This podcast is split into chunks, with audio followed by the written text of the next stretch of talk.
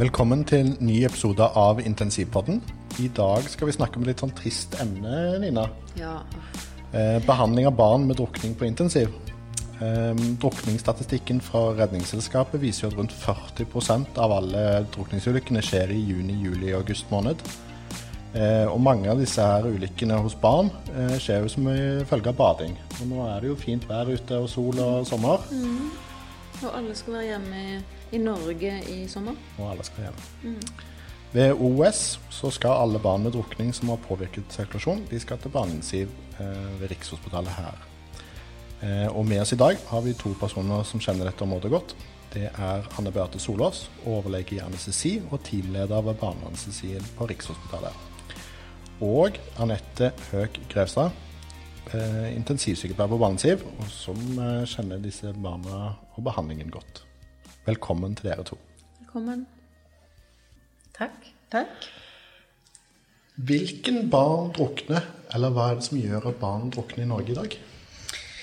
Ja, det er eh, sånn at det heldigvis ikke er forferdelig mange barn som drukner i Norge i det hele tatt. Um, hvis vi kan trekke litt paralleller og se litt utover Norges grenser også, så eh, eh, anslår man at mellom 350 og 400 000 mennesker drukner hvert år um, i verden. Og av disse er det ca. 150 000 barn, dvs. Si da definert som barn under 15 år.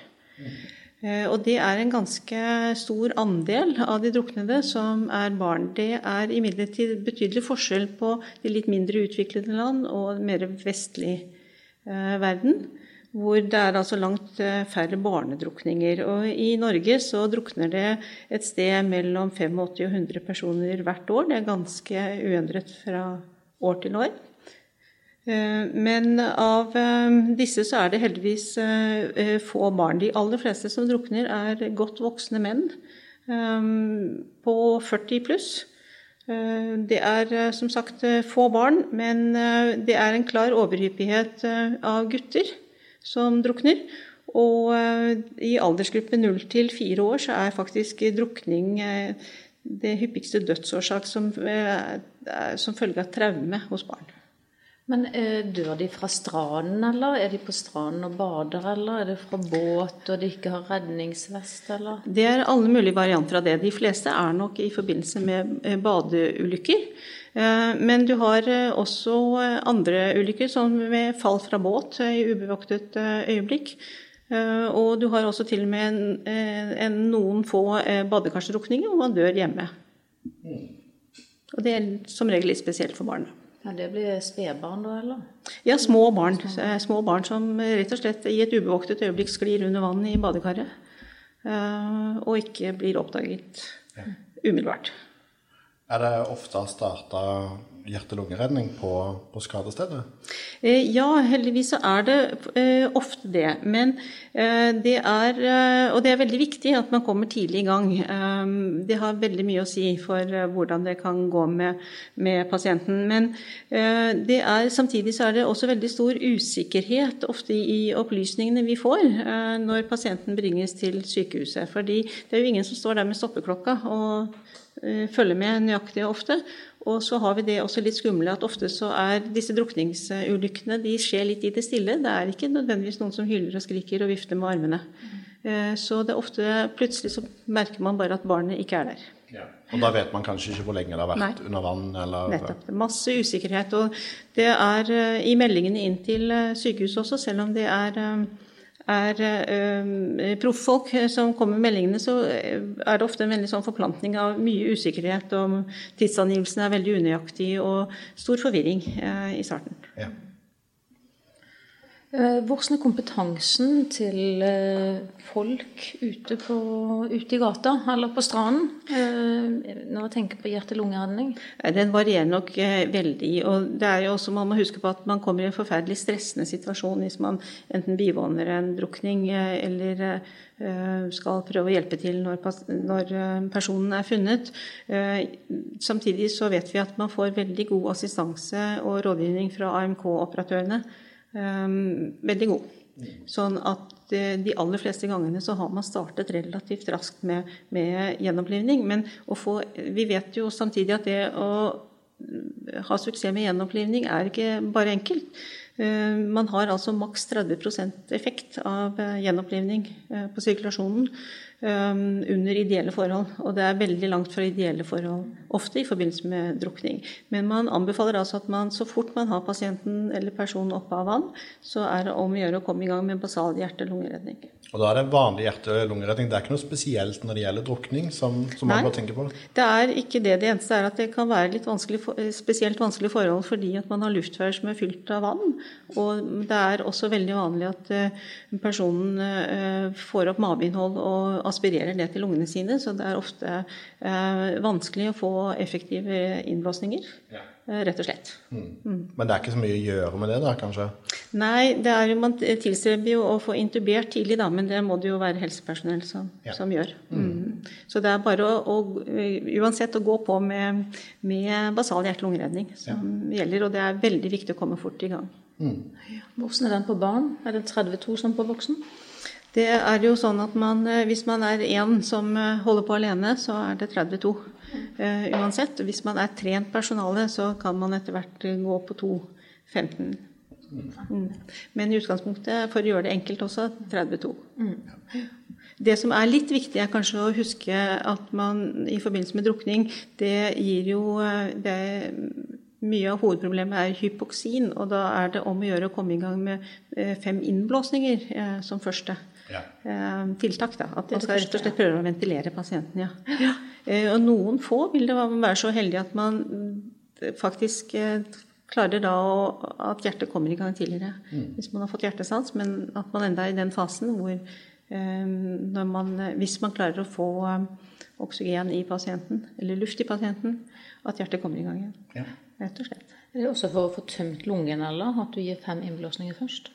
Det er nok mest med tanke på å få fylt dem opp med, med, med luft. Ja, ikke for ja. å få det ut. Nei, nei. Ja. Det er vanskelig, man kan jo tenke, det kunne være fint å få tømt lungene, men det er vanskelig å få det til. Det er jo mer sånn som man har tenkt seg ellers, at man skal prøve å snu og vende på pasienten eller eh, personen. Mm. Eh, det er nok vanskelig å få det til. så Derfor så sier man kjør vanlig hjerte-lungeredning. Husk eh, gjerne fem innblåsninger først. Mm. Hva består behandlingen av drukning eh, når barnet kommer på, på sykehus eller på intensiv? Nå er det jo sånn um, her til lands at uh, veldig ofte så er drukning fulgt av hypotermi hos pasienten. Sånn at de er både druknet og kalde. Den hypotermien kan i seg selv utgjøre et problem for resusciteringen. Eh, samtidig så er, kan den også gi en viss grad av beskyttelse for pasienten med tanke på utvikling av hjerneskade. Eh, men eh, vi må ta hensyn til pasientens temperatur. Og det er jo veldig mye av det initiale ved drukning er jo denne manglende oksygeneringen, da, og at lungene er fulle av vann og eventuelt ventrikkelaspirat.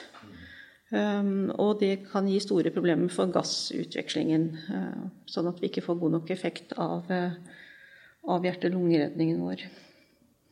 Um, det, det, er den helt initiale uh, biten av det. og de kommer, eh, disse pasientene kommer gjerne i, i, to sånne hovedgrupper. De som da enten har adekvat egensirkulasjon, eller de som ikke har adekvat egensirkulasjon. Og det betyr litt for hvordan vi tar dem imot, og det vil Anette komme litt inn på. Mm. Um, ellers så får de jo en eh, Som sagt, initialt så er det da dårlig eller problemer med å få til gassutvekslingen i, i lungene, men etter hvert så utvikler de jo et sånt ARDS-lignende bilde. Ja. Går det fort, da?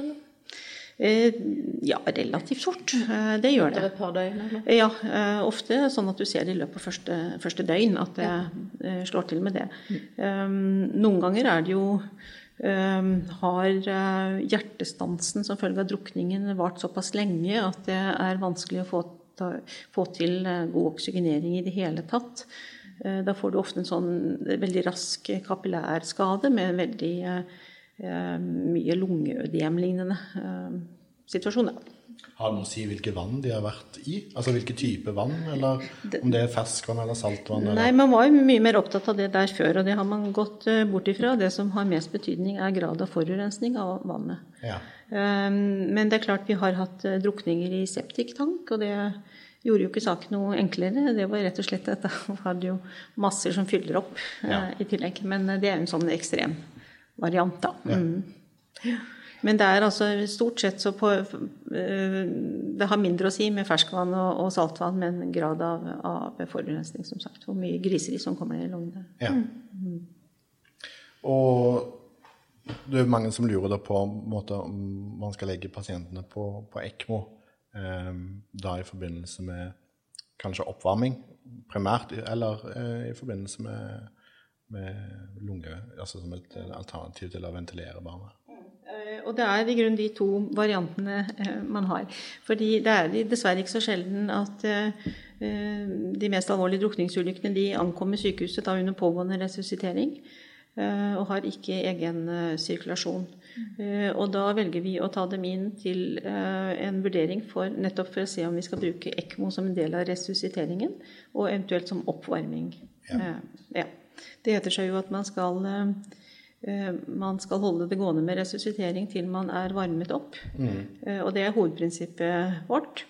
Eh, Men det er klart det er eh, eh, På gode sommerdager så, og hvis det er eh, drukning i basseng og sånt eh, innendørs, så er dessverre ofte ikke pasienten rukket å bli nok eh, avkjølt, nok hypoterm. Nei. Og da er det ikke sånn at det er så veldig stor hjelp å varme dem opp fra 32 til 35 grader. De må være ordentlig hypoterme for at man skal velge, velge oppvarming på hjerte-lungemaskin eller ECMO. Når du sier ordentlig hypo- hypoterme, hva tenker du da i sånn grader? Under, under 30 grader. Under er- 30 grader ja, kroppstemperatur. Ja, før man skal egentlig ha noe særlig håp om at det skal eh, Være en gevinst. være en gevinst. Ja. Mm. Eh, Så da blir det en sånn totalvurdering om man eh, tenker seg at man skal prøve ECMO som en del av resusciteringen og eventuelt oppvarmingen. Og så har vi da det sekundære. Noen har såpass mye trøbbel med lungene allerede at man iblant bare må, etter at man har fått gjenopprettet eh, egen hjerteaktivitet, må fortsette med lunge-ECMO. Eh, ja. Eller ECMO pga. lungeproblemene, da. Ja. Mm. Ja. Men eh, Anne Beate, jeg som kommer fra Ullevål og traumene, tenker jo også, er det noen traumerelaterte drukninger? Eh, Ja, for det første så er drukning per definisjon regnet som et traume. Eh, Men eh, for de små barna er det ofte rett og slett at de glir under vann. For litt større barn så må man huske muligheten for alvorlige hode- og nakkeskader spesielt, og da ofte i forbindelse med stupeulykker og lignende. Eh, Så det er noe man må ta med i vurderingen, det også. Det er det. Men da er det fremdeles vanlig um, HLR? Ja, det er, det er det, fordi at det er om å gjøre å få i gang eh, sirkulasjon og pust. Det er det, det viktigste. Men eh, man, i den grad det da er mulig, så skal man da også prøve å tenke på, på eh, nakkestabilisering og, lignende. Mm. Og det har jo også dette igjen da med f.eks. utkjøring av bil i vann. Der kan det også være betydelig traume, og det er ikke bare nakke, men eh, flere typer traume, da. Bekkenskader og Ja store og ja, blødninger? absolutt. Store og- blødninger kan det være, ja. Mm. Da er det allikevel sånn at det er å få, eh, få i gang egen sirkulasjon, altså ja, sirkulasjon prioriteres høyest, da. Mm. Men Anette, hva er viktig å tenke på når du får inn et barn med drukning? Eh, ja. Hva, hva, forbereder du først? Eh, Ja, det vi eh, først kanskje har i tankene, er at vi, vi kommer til å stå overfor en behandling eh, med full innsats i flere dager, uten egentlig å få vite noe om hvordan dette kommer til å gå. Eh, Og at det kommer til å bli en vanskelig ventetid for pårørende, familie, søsken. De som har vært til stede under ulykken. Og at det kommer en ny fase igjen hvor man prøver å vekke barnet. Og at det også kan bli en veldig tung tid og en tøff tid eh, mens man venter på å få se hvordan eh, barnet ter seg når det våkner og er ute av eh, sedasjon og respirator. respirator. Så det er liksom det første. At det er en tøff fase. Unnskyld. Eh, ellers så er det eh, ofte enten de barna som vi nå hører, eh, kommer de på ECMO. Det får vi jo vite om det. Da får vi jo litt tid til å forberede oss. Vi har, bare For å nevne det, så har det jo hendt at de har måttet avslutte på operasjonsstua at vi får barnet, og det er dødt når det kommer til oss. Men det er heldigvis ikke så sjelden. Nei, heldigvis, unnskyld. Heldigvis ikke så ofte. Men de som kommer, i hvert fall, de kommer da på ECMO, og vi har mulighet til å forberede oss til det. Og da er det jo bare litt flere Eh, ting vi gjør klar, som, som en ACT-maskin. Eh, vi har en heparininfusjon. Vi styrer eh, heparininfusjon etter en ACT-verdi som er satt opp. Vi har jo kontroll av temperaturen på barnet i forhold til ECMO-kretsen, varmeveksleren der. Og barnet er jo ferdig rigget med utstyr når det kommer til oss. Og vi følger en ECMO-manual i forhold til alle forberedelser kontroller, observasjoner, eh, nødprosedyrer som vi skal gjennom eh, ved hvert vaktskift.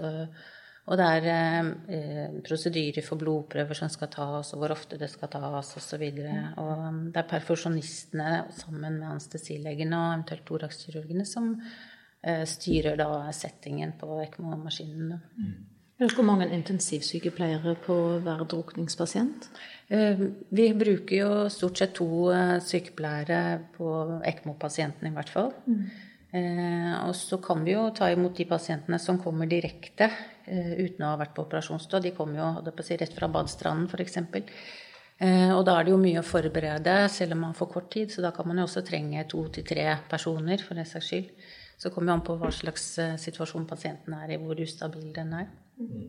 Så hvis vi eh, tar imot rett fra si, gaten, så har vi jo litt variabelt med tid å forberede oss.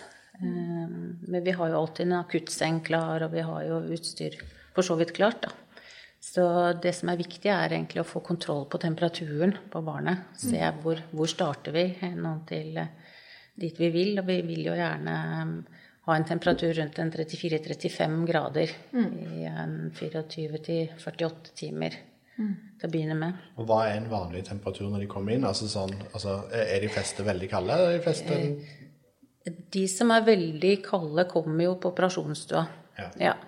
Så eh, når de kommer til oss fra operasjonsstua, så er det jo eh, temperert. Ja. Mm. ja. Så, men når de kommer utenifra, så kan de jo for så vidt være litt kalde. Mm. Så vi vil gjerne ha kontroll på temperaturen så fort som mulig, mm. så den er stabil og ikke stiger. Man vet jo at eh, feber er eh, forbundet med dårlig utkomme. Mm. Hvis man ikke har ECMO, hvilke metoder bruker man for å måte, kontrollere temperaturen eller øke temperaturen sakte? Da? Eh, hvis vi skal øke temperaturen, så har vi jo en kjølemaskin. Vi kaller det jo en kjølemaskin, men vi kan stille inn hvilket antall temperatur vi vil ha. Ja. Så, og den kan vi også da bruke til å varme opp til å begynne med, og så holde det stabilt etterpå. Og det er en sånn type maskin med pads og med vannkjøling da, ja. som er ekstern på pasienten? Ja, ja, og det har vi jo i forskjellige størrelser. Ja. Mm. mm. Men vi kan jo også måtte bruke isposer f.eks. til å begynne med for å holde temperaturen nede hvis uh, man skal legge inn mye utstyr når barnet kommer, og vi ikke får lagt på pads før det har gått lang tid. Ja, så, det viktigste er egentlig å få en stabil temperatur rundt en 35. Ja. ja. Mm. Men Anne Beate, Anette begynte å snakke om litt hepariner. Jeg ble litt nysgjerrig på det. Hvorfor heparin, og hvilke medikamenter er det disse pasientene får? Nei, er, Heparinen er eh, fordi de uh, trenger heparin på uh, ECMO eller hjerte-lungemaskin. Så må man heparinisere pasienten. Nå kan jo også drukken, drukningspasienter de kan få forstyrrelser med, med Eh, forstyrret blødnings, blødningsparametere og blødningstendens. Eh, sånn at det kan være en litt sånn tricky balanse, det. Eh, å ha passelig heparinisering på den. De trenger altså heparinisering for at ikke ECMO-kretsen eller hjerte-lungemaskinen skal stoppe opp. Mm. Og det er noen ganger vi ser at det blir mye blødning fra, fra kanuleringssteder osv. Men det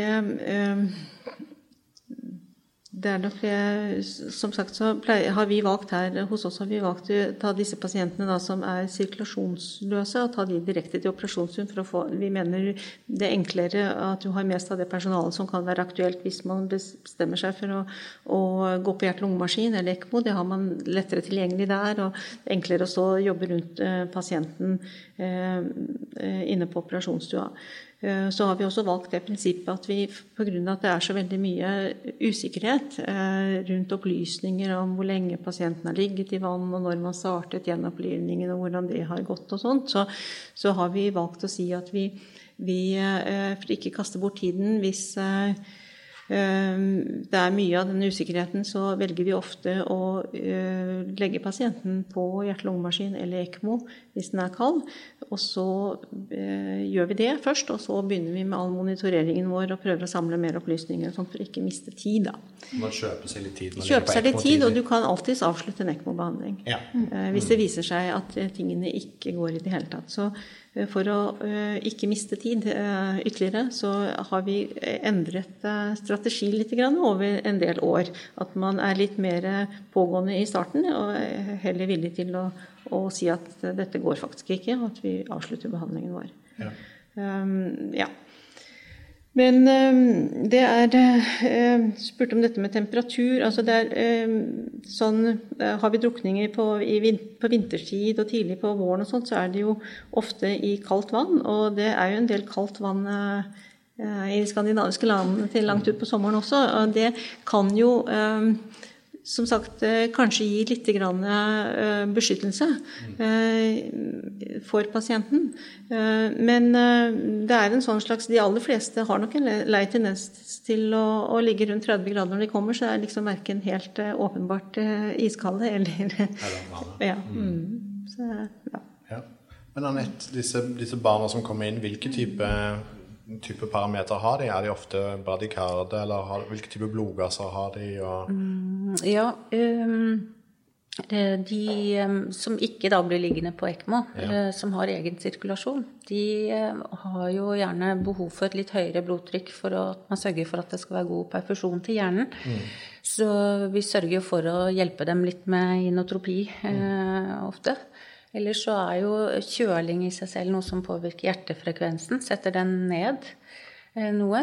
Gjør den litt langsommere, og det ser vi jo. Men eh, det, det går bra. Så lenge vi har et godt trykk, eh, så går det fint. Og vi har ikke noe mye arytmier heller når de blir bradikarde. Ikke i denne fasen her. Det er ikke noe som behandles eller noe vi ser ofte. Nei. Så, og, blod, og, blodgasser, da? Altså, hvilke, ja, tenker dere at dere skal, skal, opp til en, måte, en normal blodgass, eller setter dere litt lavere ambisjonsnivå? Altså, barna er jo kjølig perifert og dårlig sirkulert og har høy laktat og høyt blodsukker og er sure, lav pH. Ja.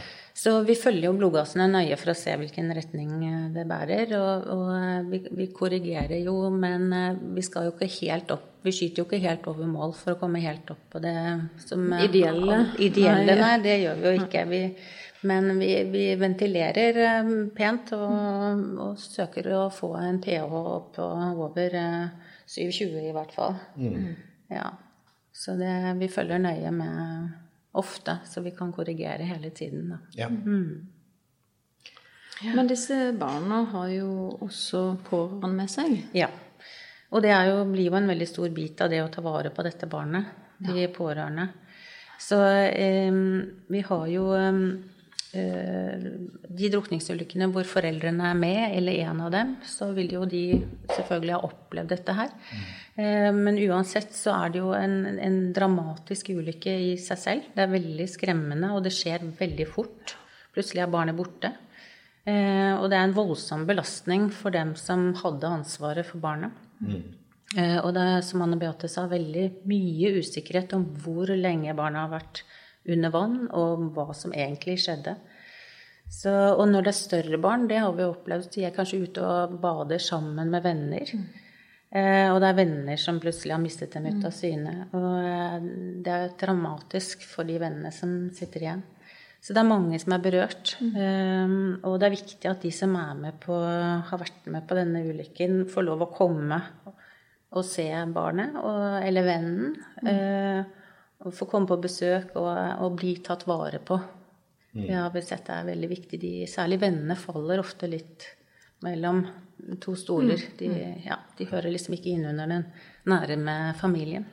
Samler dere inn informasjon da òg, på en måte? Altså prøve å få et, få et bilde av måte, hendelsesforløpet, eller er ikke det så verdifullt? Så, så Jo, man gjør jo egentlig det. eh, For vi vet jo at det er eh, ganske avgjørende, eller i hvert fall ganske viktig, hvor lenge barnet har vært under vann. Så vi vet jo, vi er jo opptatt av det. Mm. Men eh, vi prøver jo at ikke alle spør om det. Det blir jo på en måte litt eh, noen som fisker litt etter det. Mm. Og så prøver vel vi andre å heller ta vare på. For det er, eh, i og med at situasjonen er så dramatisk, så er det jo det er mye skyldfølelse ute og går. eh, Og det kan bli konflikter. Ja. Så Hvem som hadde ansvaret? Hvem og- hadde ansvaret, så- ja, og så Ja. videre. Sånn. Ja. ja. Så vi må ta vare på alle sammen uansett. Og um, eh, ja, noen nøster litt i det, mens vi andre ikke gjør det, for å si det sånn. Men vi tar vare på alle søsken, og vi oppfordrer jo alle til å komme til sykehuset, til å se barnet. Også små søsken har jo veldig mye forståelse, egentlig, for, for alvorlige ting. Selv om man kanskje ikke tror det. Så alle må være en del av det, være med. Ja. Men barn, eh, små barn og eh, foreldre de har jo spesielle rettigheter. Eh, De bor på sykehuset, eller de bor i Ja. nærheten av sykehuset. De, dere ordner med leilighet til både mor og far og søsken og Ja da, vi har jo um, eh, foreldreovernattingshus i tilknytning til sykehuset, så vi eh, på å si, installerer dem der, og de kan få foreldrerom også. Og vi har også besteforeldre som har fått lov å få rom og sånn, så det vi prøver å legge til rette da, for at hele familien skal kunne få være mest mulig. Ja, og at de får støtte. De, får, jo- de trenger jo ofte noen flere å prate med ut, utover oss som er, står bedside. Så vi har jo god kontakt med BUP og andre eh, personer da, som de kan støtte seg til. Ja. BUP Og sykehusprest. Sykehusprest hvis det er aktuelt. Ja. ja. Mm. Så det bruker vi jo mye. Og, og psykolog og psykiater. Ja. Sånn er det det? ja da, de kan få tilbud om det. Ja. Mm. Absolutt. Det er jo, eh, drukninger er sånn definisjonsmessig øh, et asfyktisk insult, altså det, alvorlig hypoksi. Og da er eh, standardbehandlingen vår for tiden er at vi, hvis ikke pasienten da våkner kort tid etter eh, gjenopprettet egen eh, hjerteaksjon, så tilbyr vi altså eh, 48 timer kjøling til 34-35 grader. I den perioden det er sånn, så er man i et veldig sånn ingenmannsland. Eh, hvor vi kan ofte si veldig lite. eh, og vet lite selv om hvordan det går med pasienten. Og da familien de har altså først opplevd en dramatisk ulykke. Og så kommer de på sykehuset, og så får de høre at eh, pasienten er i live. Men vi kan ikke si noe. Og så øyner de nok et lite håp. Eh, og det er jo det vi eh, Vi behandler jo av at vi også har et håp. Mm. eh, Men i den perioden så er det veldig vrient, fordi det er veldig vanskelig å trekke for mye slutninger fra, ut fra pasientens tilstand som er, ligger der sedert og kjølt. Og det er nok en voldsom belastning for familien at man blir gående i dette ingenmannsland eh, ganske lenge. Um, Så eh, det er eh, tøff setting for de som er rundt senga, eh, rett og slett. Å håndtere Det er, familie og pårørende og ja, det hele. Ja, det er absolutt det. Og særlig når man har bestemt seg for å, å varme opp igjen, for å si det sånn, så man gjør man jo det skånsomt og forsiktig. Og, og barnet skal da etter hvert begynne å våkne. Man reduserer sedasjon osv. Og, så videre, og så begynner man å se bevegelser eller reaksjoner på ting. Og, og foreldrene er jo selvfølgelig veldig ute etter for å høre Oi, se der. Hva var det? Er det normalt? Eh, og det er jo uansett om det ser normalt ut eller ikke, så, så vet vi egentlig ingenting om det. Og det kan jo ta flere dager før vi kan si noen ting om det. Og det er, det er tøft. Eh, og, og det er vanskelig, for du vil jo veldig gjerne si noe positivt. du vil jo så gjerne trøste, men egentlig så vet vi ingenting om det. Hvil- Hvilke faktorer er liksom viktige for å, for å kunne avgjøre om barnet kommer til å overleve en drukning eller ikke? Er det primært hvor lenge de har vært under vann? Eh, ja, det, har nok, det er nok det som egentlig har mest å si. Ja. Hvor lenge man har vært under vann. Og hvis man skal se veldig sånn rundt på det, så sier man at har det vært mindre enn ti minutter, så er det rimelig håp. Er det over ti minutter, så er det veldig eh, raskt dårligere muligheter. Mm. Har man vært over 25 minutter, så, så, er det liten sjanse i utgangspunktet. Men du har noen eh, få da, som har druknet under veldig heldige uh, omstendigheter. Uh, det, så det betyr bl.a. at det var kaldt i vannet? da, for? Eh, kaldt i vannet, eller det aller beste er at man har svømt rundt først og blitt kald. Og ja. så druknet. Ja. Det er den aller beste settingen. Ja. Men det er ikke så mange det gjelder for, og spesielt ikke barn, kanskje. Men så har du dette her med du har en del sånne spesielle settinger. F.eks. Eh, man kjører ut i vann med bil. Da har du mulighet for at det kan være luftlomme i bilen. Ja. Mm, sånn at eh, man Dette her med hvor lenge man da har vært under, hvis man har da kjørt ut i en kald fjord eller kaldt vann og vært så heldig å ha hodet i en luftlomme. Sånn at det er mange sånne ting, og disse tingene er jo ofte ikke så, så lett å vite om på, på forhånd. Eh, så eh, det der om man eh, er heldig å bli en del avkjølt før man drukner og får hjertestansen sin pga. drukningen, så er det absolutt noe som taler i positiv retning. Men det er en klar sammenheng med det. Har du vært lenge under, så er det forferdelig dårlig prognose. Har du vært i varmt vann, så er det heller ikke Nei noe særlig god prognose hvis man er lenge under. Og Hva er måte, prognosen for drukninger sånn generelt sett? Altså, hvor mange barn går det bra med, og hvor mange, mange dør på, ja, på intensiv? Mange kommer inn på Riksen her hvert år? Du, det, er, det, er, jo et lavt antall. Eh, det, er, eh, det, varierer jo en del, mellom to og åtte, maks ti barn per år. per år. Men siden det er såpass lite antall, så varierer det jo en god del fra, fra år til år. Eh, nå får vi ganske mange av pasientene da fra østlandsområdet. Mm. Fordi man vet man har denne ECMO-muligheten til å få den vurderingen, i hvert fall. Eh, men det er heldigvis ikke, ikke forferdelig mange. Men vi har gjort opp eh, noen materialer. Blant annet så, så vi da på tiårsmateriale fra 2007 til 2017. Og, da så vi på druknede pasienter, barnepasienter som man hadde lagt på ECMO og det, I den perioden der så var det totalt eh, syv pasienter hvor man hadde benyttet ECMO. Og av de, eh, de syv pasientene var det bare én langtidsoverlever. Ja. Han overlevde med eller Den pasienten overlevde med et veldig godt resultat. Vi hadde også to andre pasienter som eh, overlevde initialfasen, men som døde i løpet av få uker. Mm. Eh, så i 2018, da hadde vi totalt syv eh, barnedrukninger her. Eh, slett ikke alle hadde behov for ECMO der. Da var det tre på ECMO. Ingen av de overlevde, men det var to, to av de syv totalt som overlevde, og igjen med, med et godt resultat. da. Ellers så sier man sånn generelt at hvis du først har fått hjertestans pga. drukning, så er det opp mot 90 dødelighet. Ja. Mm. Så det er veldig høy dødelighet. Så stort sett så skal du nesten behandle ti for å få én mm. gjennom. Mm. Så det er jo um, Ja. Mm.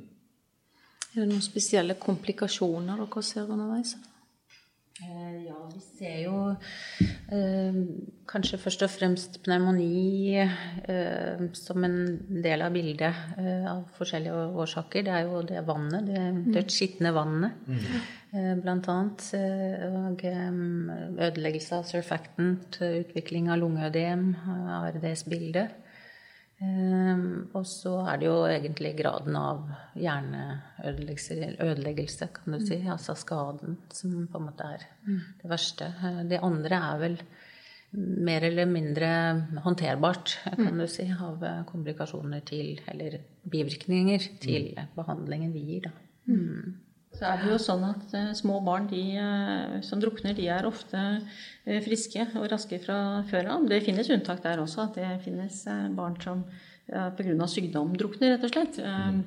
Men de aller fleste er jo friske og raske og har veldig fine Eh, og friske organsystemer som kommer fort i hektene igjen, selv om kan få, alle organsystemer kan få en alvorlig smell.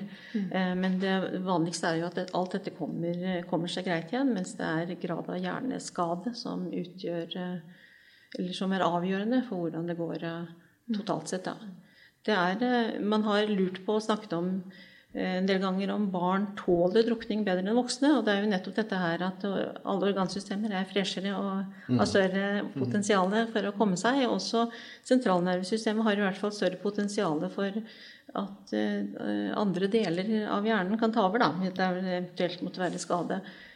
Så har man i tillegg også dette her at barn de kjøles raskere ned hvis man faller ut i kaldt vann. Mm. Um, og det kan også være noe eh, positivt uh, i det, da. Rett og slett fordi de er mindre? Altså, ja, og har, uh, altså, de har uh, en større kroppsoverflate i forhold til vekt, og, ja. og hodet er større og osv. Så mm. videre, sånn at man får en mer effektiv, raskere nedkjøling. Ja. Um, det er, men dette er jo sånne små marginer. Mm. Mm.